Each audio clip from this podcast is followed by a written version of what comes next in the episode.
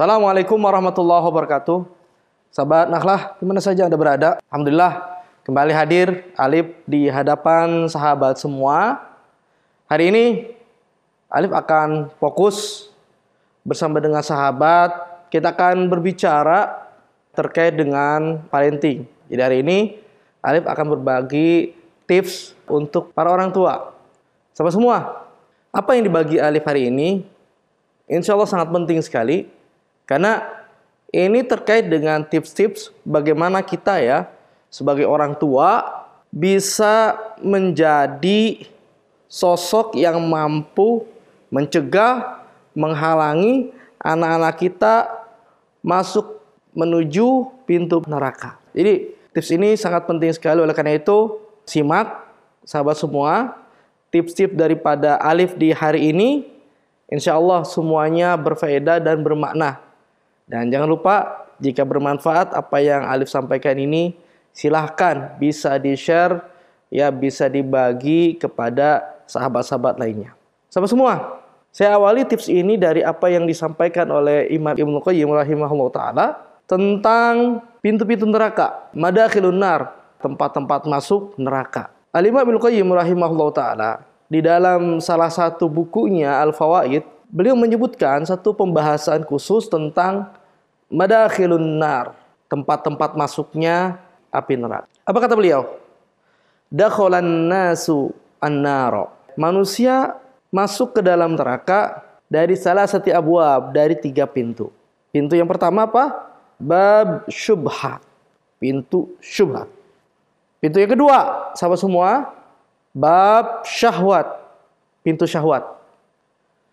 Dan pintu yang ketiga adalah pintu al-ghadab, marah, emosional.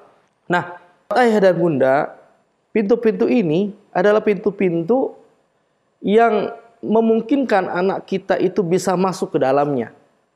Oleh karena itu kita harus waspada, kita harus ekstra hati-hati agar anak-anak kita tidak masuk ke dalam atau tidak menuju ke dalam pintu-pintu ini.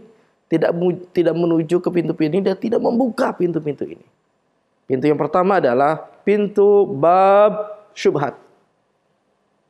Aurasat kata Imam Qayyim, aurasat aurasat syakkan ya fi fi dinillah. Bahwa pintu syubhat ini melahirkan, mewariskan berdampak pada keraguan-raguan di dalam agama Allah Subhanahu wa taala. Ini pintu yang pertama sahabat semua. Pintu yang kedua adalah syubhat. Aurasat takdima al-ahwa. Pintu yang kedua ini pintu syahwat di mana melahirkan, mewariskan, mengakibatkan, mendahulukan hawa nafsu. Takdimal hawa min taatillah wa mardatihi. Dari apa? Dari ketaatan kepada Allah dan dari keridhaan kepada kepada Allah. Dan yang ketiga, sahabat semua, bab al-ghadab, pintu marah. Aurasa al-udwana yang melahirkan, yang mengakibatkan permusuhan. Allah khalqihi terhadap makhluk-makhluk Allah Subhanahu wa taala, permusuhan, persengketaan, perselisihan. Nah, sahabat semua, kita akan bahas ya satu-satu tips-tipsnya agar anak kita itu benar-benar bisa kita coba ikhtiar kita jaga agar mereka tidak menuju ke pintu-pintu tersebut. Nah, syubhat. Yang pertama syubhat, sahabat semua. Syubhat itu mewariskan keraguan di dalam beragama. Di dalam akidah, di dalam keimanan pertanyaannya nih, hal apa saja sih di hari ini, di saat ini yang dapat menghantarkan anak ke dalam pintu ini? Pertama itu adalah mereka tidak pernah belajar agama. Atau kalaupun mereka belajar Islam, belajarnya itu hanya di usia kecil saja. Setelah usia SMP, SMA, los. Kalaupun ada pelajaran agama, itu durasi waktunya hanya sedikit sekali dan barangkali tidak memungkinkan menguatkan keimanan mereka. Ini barangkali ya, barangkali tidak cukup kuat untuk mengikat atau untuk mengokohkan keimanan mereka. Kayaknya hanya sedikit sekali. Nah, sahabat semua, ini menjadi PR bagi kita semua sebagai orang tua. Maka peran orang tua di dalam pengajaran pendidikan agama itu sangat-sangat kuat sekali. Tips yang pertama nih sahabat semua. Untuk sahabat, untuk para ayah, bunda, bekali diri kita dengan ilmu akidah. Bekali diri kita dengan ajaran-ajaran Islam. Bekali diri kita dengan tata cara ibadah yang benar. Bekali diri kita dengan pemahaman yang benar tentang apa? Tentang Islam. Ini yang pertama. Karena yang dapat menyeret mereka ke dalam pintu tersebut adalah karena kebodohan mereka. Karena mereka nggak pernah belajar.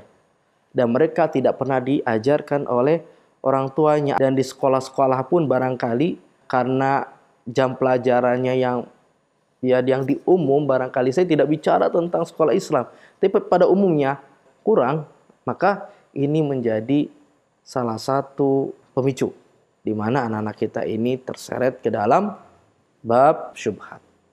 Yang kedua sahabat semua, apa yang menyebabkan anak bisa terseret ke dalam pintu syubhat? Apa yang dia tonton, apa yang dia dengar dari informasi-informasi atau dari film-film yang notabene syarat dengan nilai-nilai, keyakinan-keyakinan yang dibawa bukan dari Islam. Baik itu dia lihat di YouTube atau di film atau di di sosial media. Nah, ini bisa menyeret mereka ke dalam babu syubhat. Satu contoh misalkan ada orang yang membuat konten di TikTok, salah satunya itu melontarkan bahasa atau pertanyaan yang jelas-jelas pertanyaan ini adalah pertanyaan yang memang syubhat, yang memang mengarahkan kepada syubhat. Dia berkata seperti ini. Seandainya Tuhan menciptakan batu besar yang lebih besar dari dirinya, Kurang lebih seperti itu sahabat semua ya. Mampukah Tuhan melakukannya? Kalau mampu, berarti batu itu lebih besar dari Tuhan. Kalau tidak mampu, berarti ada yang lebih kuat dari Tuhan. Ini adalah bahasa-bahasa yang memang terkandung di dalam syubhat yang besar. Mengapa? Pertanyaannya saja, kalau kita bagi kaum muslimin, itu sudah keliru. Bahwasanya Allah subhanahu wa ta'ala, laisa kamislihi syai'un. Allah tidak ada yang serupa dengannya. Wa samiul basir dan Allah itu Maha mendengar dan Maha melihat. Allah itu apa? Yaf'alu ma. Allah melakukan apa yang Dia kehendaki. Meskipun Allah melakukan Allah melakukan apa yang Dia kehendaki, tentu apa yang dikehendaki Allah itu sesuai dengan keagungan dan kebesarannya. Tidak seperti apa yang ada dan dihadirkan dalam pertanyaan tersebut. Sehingga Ya, kalau Anda berusaha untuk menjawab pertanyaan tersebut, dua-duanya jawabannya itu adalah syubhat. Karena pertanyaan saja syubhat, pertanyaan yang tidak tepat, pertanyaan yang menyelisihi akidah yang benar. Coba bayangkan, kalau anak kita dihadirkan dengan konten-konten seperti ini, pertanyaan-pertanyaan seperti ini apa yang terjadi kalau mereka tidak memahami, tidak paham, tidak mengetahui tentang perkara akidah. Jadi yang dapat menyeret mereka selain al-jahlu kebodohan mereka adalah mereka melihat, mereka mendengar, mereka menonton di berbagai media tentang nilai-nilai, tentang kepercayaan-kepercayaan, tentang keyakinan-keyakinan yang bukan dari Islam yang dapat menyeret mereka ke dalam syubhat.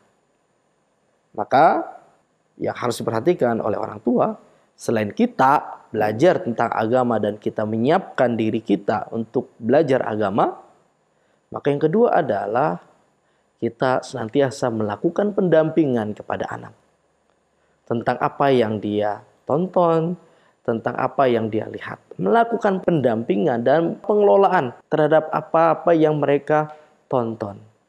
Ini untuk mencegah dari hal-hal yang tidak diinginkan, dari hal-hal yang syubhat yang masuk ke dalam ke dalam diri. Itu sahabat semua. Jadi dua hal ini yang kita harus benar-benar concern dan perhatikan.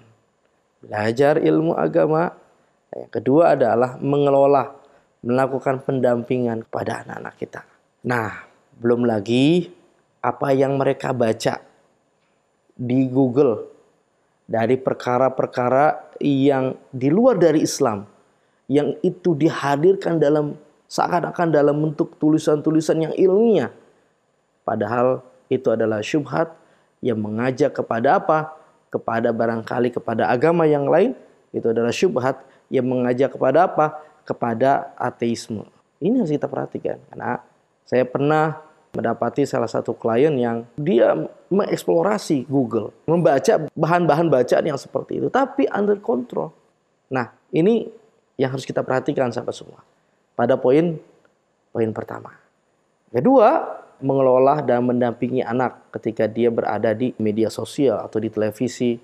Nah, yang ketiga, senantiasa kita melihat perkembangan anak, melakukan diskusi-diskusi tentang apa yang anak baca dari apa yang mereka search di Google.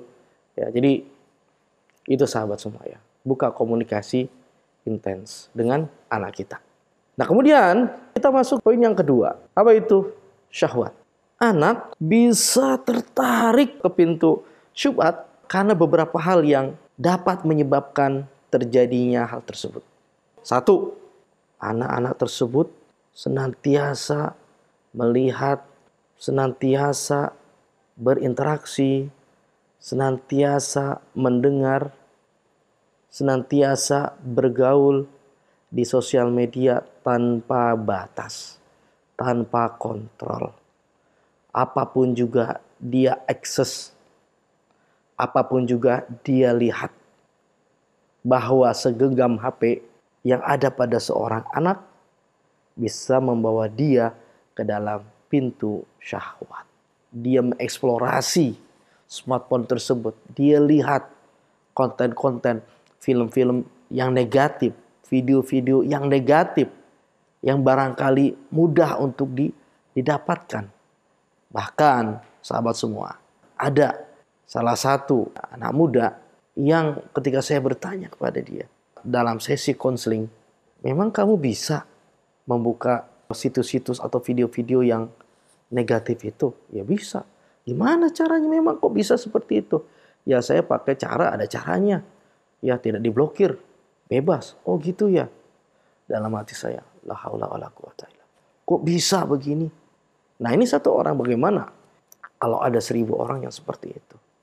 Ini generasi Islam loh. Artinya apa? Under control. Tidak terkontrol penggunaan gadget. Ini fenomena yang benar-benar terjadi benar-benar saya lihat, benar-benar saya alami sendiri. Ya, ada anak-anak tersebut dengan HP-nya dengan mudah mengakses hal-hal yang negatif, konten-konten yang negatif. Nah, coba bayangkan, kalau setiap rumah-rumah kaum muslimin, anak-anak mudanya, anak-anak ABG-nya membuka situs-situs yang negatif ini, apa yang terjadi? Nah, sekarang yang menjadi permasalahan atau yang menjadi barangkali pendorong anak ini sering bermain gadget, tenggelam dengan gadget mereka, yang saya temukan, dan ini memang menjadi kasus tersendiri, ya dari mereka yang sering menggunakan gadget, karena peran orang tua, keaktifan orang tua, ya kelekatan orang tua yang sangat kurang dengan anak-anaknya. Dan sifat permisifnya orang tua terhadap penggunaan gadget itu sendiri. Sifat ya serba bolehnya orang tua dalam penggunaan gadget itu sendiri dan biasanya ini distimulus ketika mereka di usia usia belia. Ketika mereka nangis, dikit-dikit dikasih HP ketika dia ngambek dikasih HP dan seterusnya seperti itu. Tidak ada ketegasan yang humanis yang ada pada orang tua. Sehingga apa yang terjadi? Yaitu tadi. Sekarang sahabat semua, apa yang harus kita lakukan? Agar anak kita tidak tertarik ke dalam pintu syubhat tadi. Apa yang harus kita lakukan dan bagaimana kita melakukannya? Satu, kita benar-benar presence, kita benar-benar hadir di dalam hati anak-anak kita. Hadir apanya? Hadir, jiwa kita hadir, pikiran kita hadir, mata kita hadir, telinga kita hadir di depan mereka. Buat komunikasi dengan anak semakin kuat dan efektif. Bukan hanya sekedar hadir aja, tapi maksimalkan komunikasi efektif, rekatkan komunikasi itu. Agar apa? Agar hati anak penuh dengan uh, rasa suka, rasa cinta dengan kita. Dan mereka benar-benar melihat kita itu hadir di dalam diri di dalam diri mereka. Jadi presence kita hadir untuk mereka, komunikasi yang efektif dengan dengan mereka, ya komunikasi yang kuat dengan siapa? Dengan mereka. Kemudian ya kita senantiasa interaksi, berinteraksi dengan dengan mereka. Kita buat aktivitas-aktivitas bersama dengan anak-anak kita. Oleh karena itu kita harus mengatur waktu kita untuk anak-anak kita.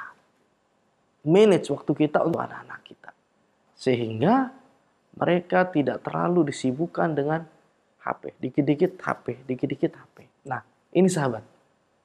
Ketika kita sudah hadir di dalam diri anak-anak kita, ketika kita senantiasa berkomunikasi dengan komunikasi yang kuat, komunikasi yang efektif dengan anak kita, ketika kita senantiasa berinteraksi dengan anak kita, ya. Ketika kita senantiasa beraktivitas ya dengan anak kita. Ketika kita senantiasa mengatur waktu ya dengan anak kita. Selain tentu kita bekerja maka ya anak kita pun akan tertarik dengan diri kita akan terjadi trust antara kita dengan anak kita sehingga kebutuhan psikologisnya kebutuhan hatinya kebutuhan fitrahnya itu terpenuhi. Dengan kita senantiasa membangun kelekatan dengan anak-anak kita. Di sana ada mereka yang keranjingan gadget, kecanduan gadget, kecanduan game. Satu di antara yang menjadi penyebabnya adalah peran daripada ayah atau ibu sangat kurang komunikasi ayah dan ibu kurang. Mereka tidak present, mereka tidak hadir di dalam diri anak-anak mereka. Ini salah satu yang menjadi penyebab dari apa yang terjadi dalam diri anak-anak kita dan inilah yang bisa menyebabkan mereka terseret ke dalam pintu pintu syubhat. Ya, oleh karena itu kita hadir untuk anak kita, presence benar-benar hadir Kedua, komunikasi yang kuat, yang efektif. Kita senantiasa melakukan interaksi atau berinteraksi dengan anak kita dengan melakukan aktivitas-aktivitas yang positif, kita mengatur waktu. Dan yang terakhir, yang kelima, kita menjadi kedua. Kita menjadi teladan bagi anak kita. Sehingga apa yang dia lihat dari diri kita, apa yang dia dengar dari diri kita, apa yang dia rasakan dari diri kita, itu benar-benar membekas dalam diri dia dan benar-benar menjadi contoh nyata. Sehingga dia tidak butuh lagi tuh teman bicara di sosmed. Dia tidak butuh lagi tuh orang yang tenggelam di dalam persahabatan di sosmed. Kenapa? Karena dia sudah ada orang yang yang menjadi tambatan yang bisa memuaskan kebutuhan psikologis dia. Yaitu siapa? Kedua orang tuanya. Nah yang ketiga adalah babu ghadab, pintu kemarahan yang bisa mengantarkan anak-anak kita ke dalam neraka. Mengapa? Karena dengan kemarahan terbukalah berbagai macam pintu kejelekan. Dengan kemarahanlah terbuka berbagai macam kepribadian yang keliru, akhlak yang keliru, perilaku yang buruk. Dia mencaci maki orang lain, dia mencela orang lain, dia menjelek-jelekan orang lain, dia mencari kesalahan orang. Kenapa? Karena rasa marah dia. Maka sahabat semua, anak kita apabila dipertontonkan dengan situasi dan kondisi saat ini, hari ini, ya yang satu saling menyerang ini, buzzer satu menyerang buzzer ini, buzzer satu, dan seterusnya. Mereka saling ribut, mereka saling marah. Entah marah benar-benar marah asli atau marah yang dibuat karena dibayar. Yang jelas dan yang pasti adalah terjadi al-udwan permusuhan. Nah, sahabat semua, anak kita ketika kita biasakan dia melihat hal-hal yang negatif di sosial media, terbiasa melihat satu status yang sumpah serapah, yang seronok, yang mencaci maki dengan bahasa yang kotor, bisa jadi dia akan mengikuti dan tertanam dalam diri dia kebiasaan-kebiasaan buruk tersebut. Nah, sahabat semua, apa yang harus kita lakukan agar anak kita tidak seperti tidak seperti itu?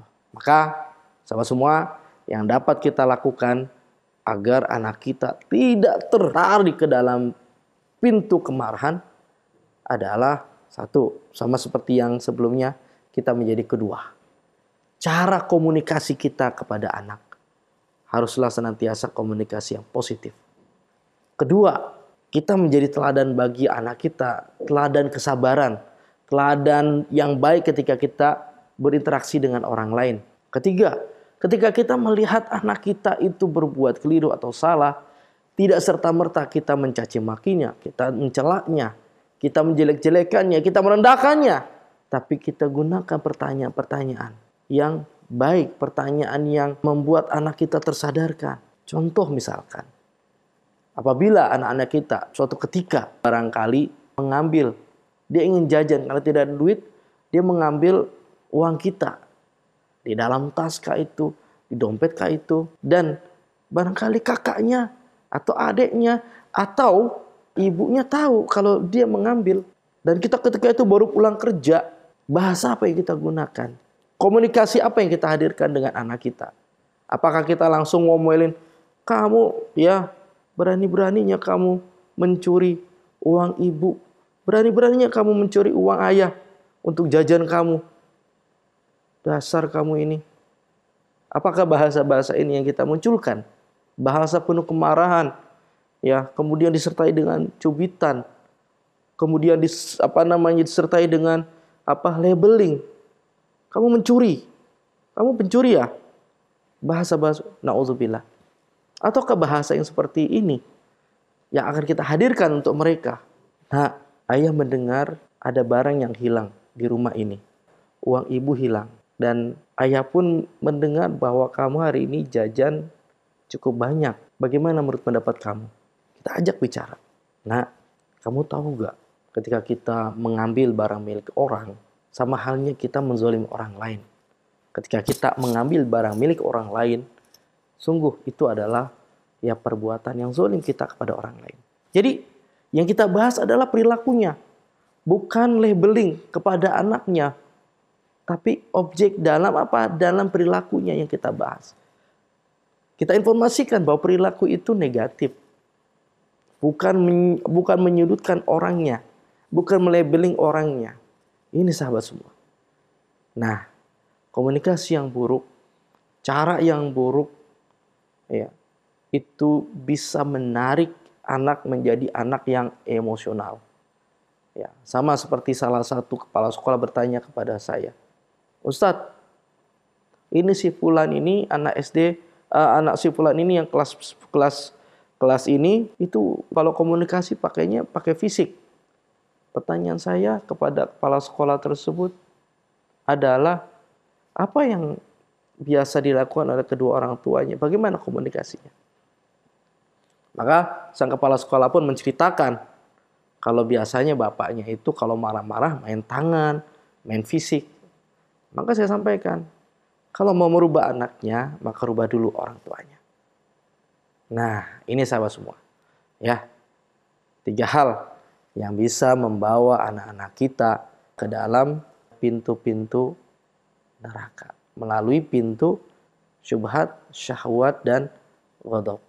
Mudah-mudahan apa yang Alif sampaikan hari ini kepada sahabat semua bermanfaat dan mudah-mudahan itu bisa bermanfaat untuk kita semua.